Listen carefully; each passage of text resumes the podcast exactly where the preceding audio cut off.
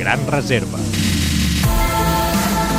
Avui fa 21 anys que Sergi Bruguera i Aranxa Sánchez Vicario es van proclamar campions del Roland Garros amb unes hores de diferència. Els tenistes de Barcelona van disputar les finals a París el mateix dia, ja que la pluja havia ajornat la final femenina aquell diumenge. Bruguera va guanyar el basc Alberto Berasategui en la final, després de derrotar el nord-americà Jim Courier en la semifinal i l'ucraïnès Andrei Medvedev als quarts de final. Pel que fa a Sánchez Vicario, va derrotar la canadenca Mary Pierce després d'haver guanyat Conchita Martínez a la semifinal i la francesa Julie Harlat als quarts de final. Sergi Bruguera guanyava el torneig per segon any consecutiu i Aranxa Sánchez Vicario aconseguia el segon dels tres títols del Roland Garros que obtindria.